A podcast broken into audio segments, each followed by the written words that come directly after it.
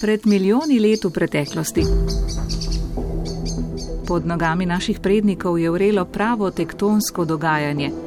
Tedanji čas je zaznamovalo tudi opaznejše nihanje podnebja in kombinacija tega dvojega je povzročila zelo nestabilno in nepredvidljivo okolje, v katerem so živeli hominidi, naši predniki. Velike možgane in inteligentnost smo razvili tudi zato, da bi presegli kaotičnost okolja, v katerem smo živeli. Ob tem nismo ostali v Afriki, ampak smo prodirali globlje v svet in svojo inteligentnost vse čas prilagajali novim razmeram in pridobitvam. Od kultivacije divjih rastlin, razvoja prvobitnih kultur do graditve prvih naselbin in počasnega vzpona naše civilizacije. Če preletimo zemljevid sveta in se osredotočimo na območje v bližini ekvatorja, opazimo, da so v tem geografskem pasu po večini zgoščeni vsi glavni svetovni tropski deli. Od amazonskega pragozda, gozdov v Kongu ter tropskih gozdov v Indoneziji in na bližnjih otokih jugovzhodne Azije. Pri tem obstaja le ena večja izjema. Suh kotiček na vzhodu Afrike, ki je na mesto s tropsko vegetacijo pokrit z obširnimi travišči. Prav tu lahko pravzaprav govorimo o srečnem prekrivanju različnih planetarnih dejavnikov, ki so se ujeli ter tako pospešili evolucijo človeka.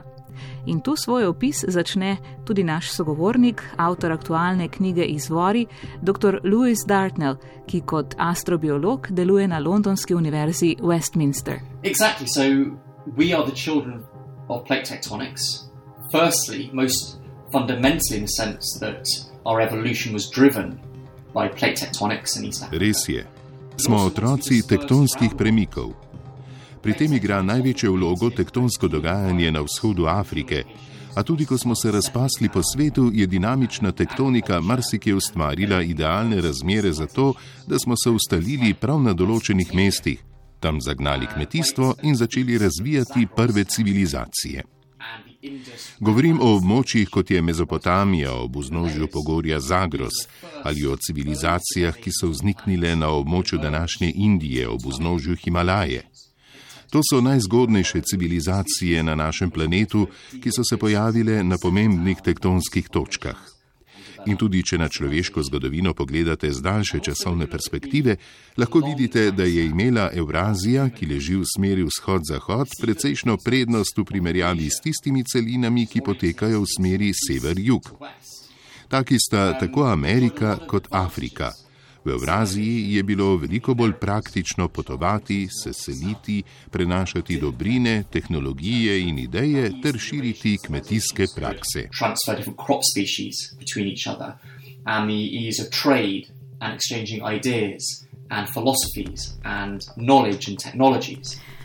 Dartnell ob tem nekaj vpliva pripisuje tudi tako imenovanim Milankovičevim ciklom, ki so razmeroma neznani in manj jasni splošni javnosti.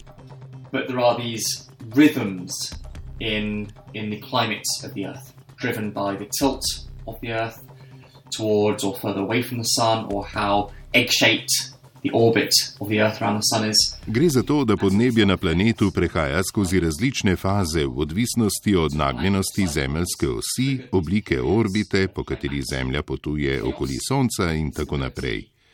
Vse to se dogaja v nekakšnih ciklih. Prav Milankovičevim ciklom pripisujemo, da so sprožili podnebno nestabilnost na območju vzhodne Afrike, to pa je pozneje vodilo v pospešeno evolucijo človečnjakov.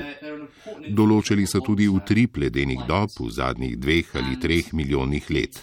Imajo torej dolgoročen vpliv na podnebje na našem planetu. Celoten razvoj naše civilizacije, vsa kultura, vsi imperiji, vse to pa se je zgodilo v zelo kratkem obdobju po koncu zadnje ledene dobe. Which has been regulated by these Milankovitch cycles.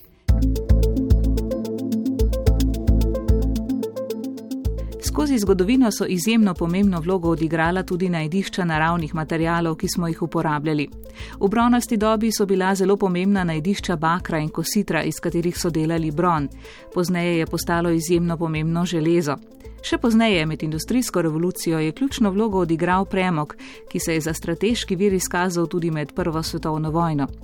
V sodobnosti smo prevlado nad naravnimi materijali zaupali nafti, ki določa ključna geostrateška razmerja sodobnega sveta.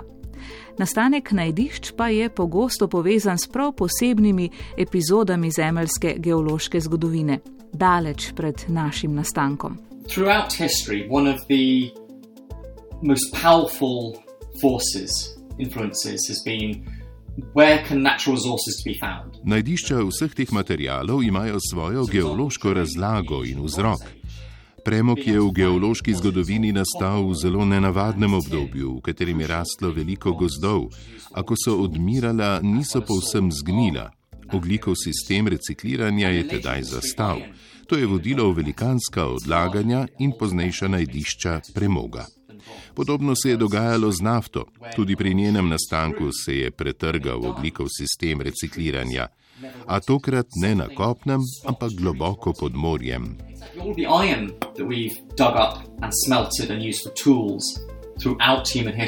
Tudi železo je povezano z nekim prav posebnim poglavjem v zgodovini našega planeta pred približno 2,3 in 2,2 milijarde let. V naši atmosferi tedaj še ni bilo kisika, kot smo ga vajeni danes. V tistem času bi morali torej nositi prav posebne vesoljske skafandre, če bi hoteli preživeti drugačno zemljino atmosfero. Da imamo danes kisik v ozračju, se lahko zahvalimo mikroskopsko majhnim morskim organizmom. No, pojav kisika na planetu pa je sprožil megalomansko rjavenje. Železo, ki je bilo raztopljeno v morski vodi, je začelo oksidirati, rjaveti in se je odlagalo na morsko dno. To je tudi vir železa, ki ga povsod po svetu kopljamo danes. Throughout history, since it's got this deep link to a particularly quirky event in our planet's own history. Med geološko pomenljivimi obdobji, ki so tako ali drugače odigrala pomembno vlogo pri našem poznejšem nastanku, je tudi zelo kratka doba pred približno 55 milijoni let. Dinozauri so izumrli približno 10 milijonov let prej, zdaj pa se je Zemlja nenadoma sunkovito zagrela. Mm, this is the Paleocene Eocene thermal maximum, or PETM for short. And this was a period uh, about 55 million years ago, as you say, when. To je paleocensko-eocenski termalni maksimum ali krajše PETM. Gre za obdobje pred 55 milijoni let, ko je Zemlja nenadoma dobila vročino. V zelo kratkem času se je zgodil sunkovit porast globalnih temperatur. To obdobje je zanimivo za proučevanje predvsem za primerjavo z zdajšnjim, ki ga človek temperaturno poganja vse večje ekstreme. S proučevanjem tega obdobja lahko vidimo, kako bi se planet lahko odzval na naraščajoče temperature, kakšni bi lahko bili najhujši scenariji. Toda po drugi strani je zanimivo, da se je prav v omenjenem obdobju zelo iznenada pojavilo kar nekaj živalskih vrst, ki so bile stališča našega razvoja izjemno pomembne. To so sodo in lihoprsti kopitarji in pa primati, red, ki mu pripadamo tudi mi. Paleocensko-eocenski termalni maksimum je z tega stališča tako rekoč pripravil odr za svet, v katerem živimo danes.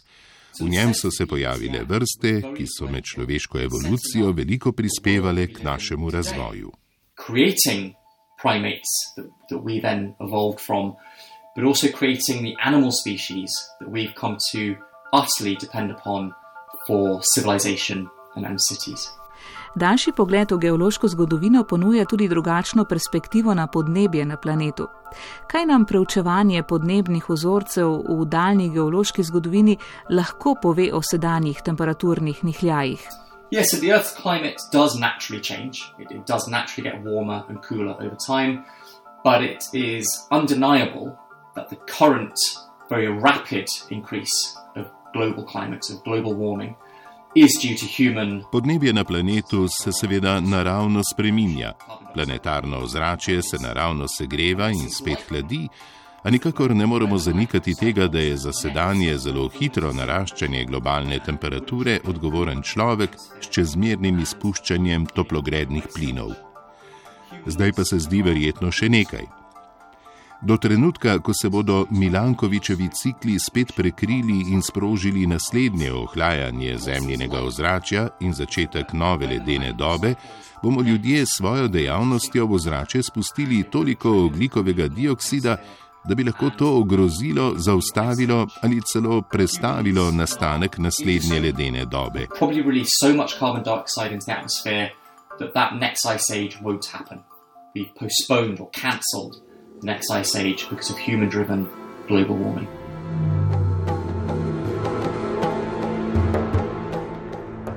Zdaj pa se po časovni osi pomaknimo veliko bolj naprej, v čase, ko so vznikale prve civilizacije, tudi v Sredozemlju, regiji, ki je ključnega pomena tudi za nas.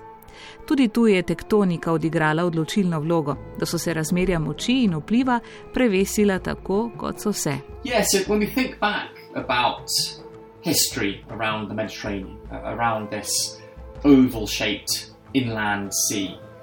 We can think of civilizations like the ancient Greeks, the Mycenaeans, or the Phoenicians, or the Minoans, or the Etruscans and, and Romans. Ob misli na zgodovinski razvoj mediteranske regije in morja v njenem središču nas najprej odnese do civilizacij, kot so bili Feničani, stari Grki, Minojci, stari Rimljani a večina teh antičnih civilizacij in kultur se je pojavila na severni strani Sredozemlja, južna polovica pa je bila precej manj živahna. In tudi zatem tiči geološki dejavnik oziroma vzrok.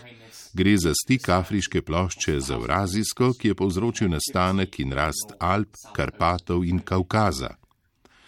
Severna obala Sredozemskega morja je z tega vidika zelo razgibana, nazobčena, polna naravnih otočkov in zalivov, To pa je vodilo v nastanek družb, ki so se ukvarjale z ribolovom in pomorstvom. Promet na morju je ob tovrstnih naravnih danostih, ki jih je ponujala severna obala Sredozemlja, potekal zelo živahno in predvsem hitreje v primerjavi z manj prehodnimi in težkimi kopenskimi potmi. Afriška plošča se podriva pod Evrazijsko, drsi pod njo, zato je severni del Afrike zelo raven, dolgočasen, na njem najdemo komaj kakšno naravno pristanišče. Gre za počasen tektonski proces, ki je v stoletjih in stoletjih določal to, kje ljudje živijo in kje ne.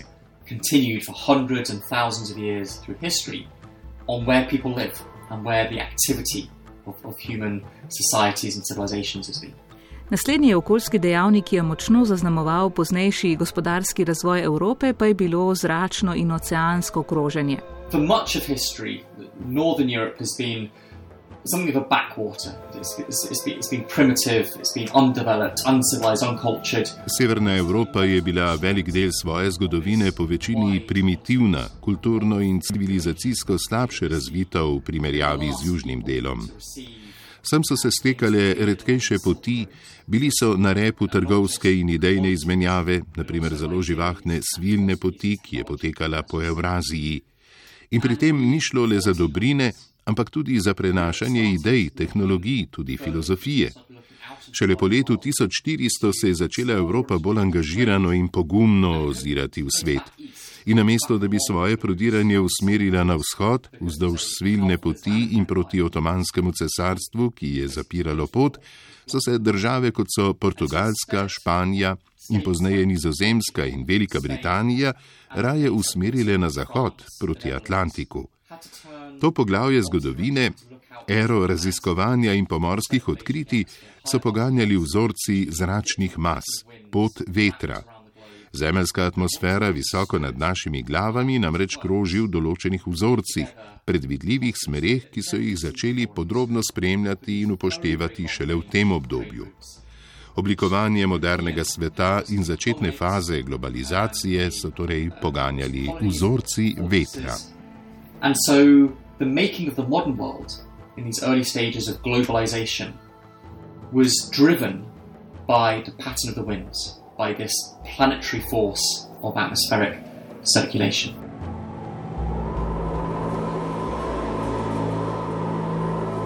Veter in morski tokovi so odigrali pomembno vlogo pri tem, da ponekod v Srednji in Južni Ameriki danes govorijo špansko, drugod pa portugalsko, ali da so nizozemci zašli do Avstralije. The reason that Brazil speaks uh, Portuguese today is because that is where the wind took Portuguese explorers who were trying to find their way around the southern tip of Africa to get to India in the spice trade. V Braziliji danes govorijo portugalsko in to tudi zato, ker so vetrovi tja zanesli portugalske pomorščake, ki so skušali najti pot okoli Afrike in pripotovati do Indije. Vzrok, zakaj je bila Kalifornija več sto let geopolitično tako pomembna, je to, da se tja stekajo vetrovi, s katerimi so pomorščaki pluli čez Tihi ocean. Mesta kot so San Francisco, San Jose in Los Angeles so nastala zaradi globalnih veternih vzorcev okrog planeta. Like San Francisco or Los Angeles or San Jose were founded in the first place because of the pattern of winds around the planet.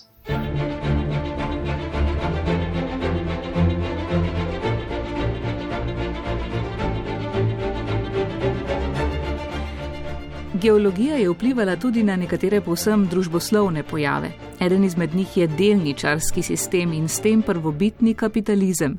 In tudi tu moramo k nizozemcem. During the last ice age, when the sea levels were much, much lower, a large part of the North Sea was dry land. Um, it was called Doggerland. Med zadnjo ledeno dobo, ko je bila gladina svetovnih morij precej nižja, je bilo večji del današnjega Severnega morja med Veliko Britanijo, Nizozemsko in Nemčijo kopno. Skupnosti, ki so živele tam, so bile lovsko-nabiralne skupnosti. S koncem zadnje ledene dobe, taljenjem ledu in višanjem gladine morja, pa je to območje vnovič poplavilo. Ravnine severne Evrope, imenovane Doggerland, še posebno deli današnje Belgije in Nizozemske, so se torej zlagoma potapljale v morje. Nizozemci si v svoji sodobni zgodovini prizadevajo, da bi morju vzeli nazaj nekaj tega kopnega, da lahko na njem živijo in kmetujejo. Prav zato so razvili sistem črpanja vode ob pomoči mlinov na veter. A to vrstne naprave so precej zahtevno finančno breme, težko so si jih privoščili sami, zato so morali načrtovati skupaj. Pravzaprav so vaščani tako kupovali nekakšne prve delnice v svojih mlinih na veter in si skupaj delili tudi dobiček. Tu je zrasla ideja delničarskega sistema in kapitalizma, in ko so enkrat imeli tak sistem, je bil korak od mlinov na veter dovolj izpopolnjenega delničarskega sistema v pomorstvu in trgovini zelo enostaven.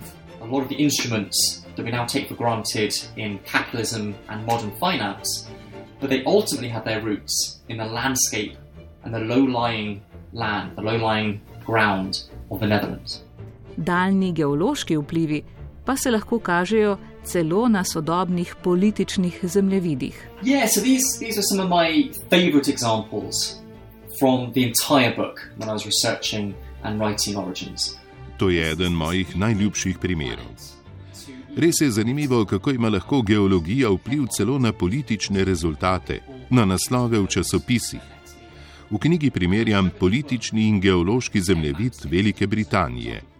In opaziti je zelo veliko ujemanje med območji, kjer večina ljudi voli za laboriste, in geološkimi območji, na katerih se raztezajo po 300 milijonov let stare geološke formacije, kjer so se v državi razvili najpomembnejši industrijski centri. Še opaznejša pa je ta povezava v Združenih državah Amerike.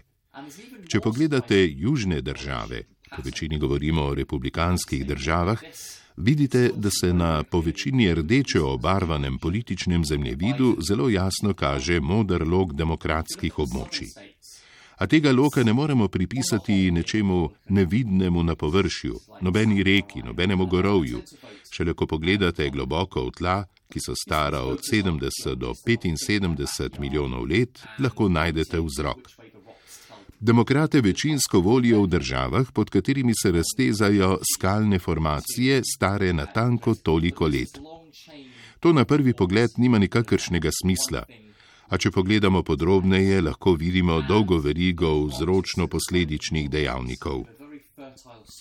Na teh kamninah se razprostira zelo rodovitna prst, ki je primerna tudi za vzgojo zahtevnih polščin, kakršen je naprimer bombaž. Zgodovino od tot naprej poznamo. Na tovrstnih območjih je zrasla zelo bujna trgovina s sužnji iz Afrike za obdelovanje plantaž In tudi več stoletij pozneje tu še vedno ustraja zelo gosta populacija afroameričanov v Ameriki. In med temi je tradicionalno veliko več demokratskih voljivcev.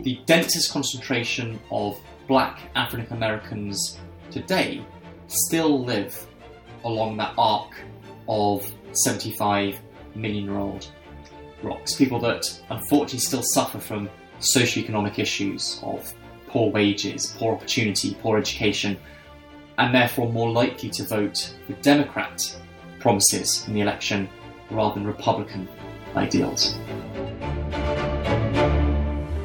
X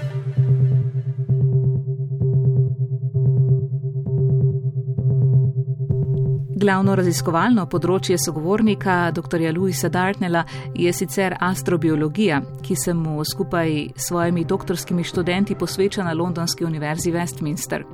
Namenjeno je ugotavljanju in iskanju metod za dokazovanje življenja na drugih planetih, tudi širjenju našega razumevanja življenja kot takega, evolucije in biologije sploh. So that European Space Agency has been designing and building over recent years to launch to Mars in the year 2022. Veda se torej posveča raziskovanju tega, kako bi lahko na Marsu našli morebitno življenje in ga znali sploh zaznati. Sem eden izmed sodelavcev misije ExoMars, ki jo razvija Evropska vesoljska agencija. Proti našemu rdečemu sosedu pa naj bi odrinila prihodnje leto, med drugim tudi z namenom, da razišče znake morebitnega življenja in najde morebitne fosilne dokaze.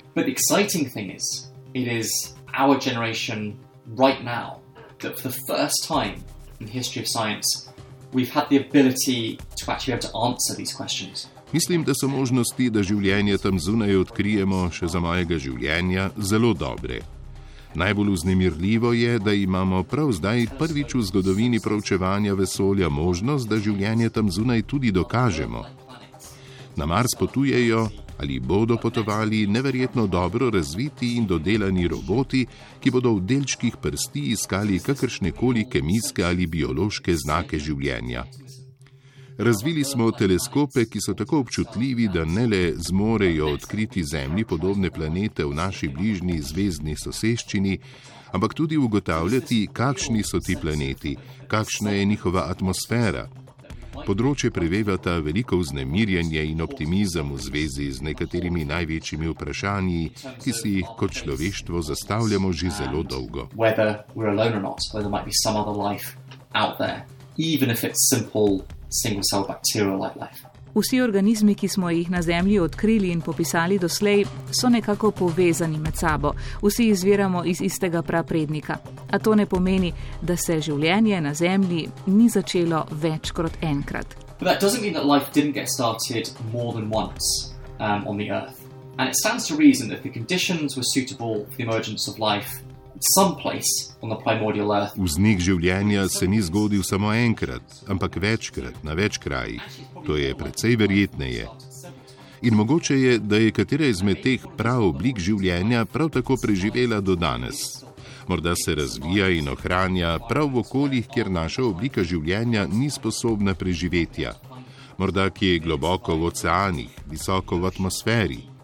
To je hipoteza o nekakšni senčni ali temni biosferi na našem planetu, ki izvira iz drugačnega prednika od našega. Hypothesis, this is the idea that there might be a shadow biosphere, an alternative form of life that is terrestrial, it's earthlings, but they descend from a separate origin of life um, other than our own.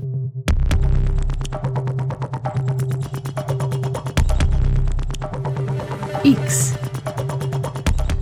To je bila oddaja Frekvenca X, ki sem jo pripravila Maja Ratej. Pogovarjala sem se z britanskim astrobiologom dr. Louisom Dartnellom, avtorjem knjige Origins, ki je nedavno v slovenskem prevodu pod imenom Izvori išla tudi pri nas. Hvala vam za pozornost in srečno do prihodnič.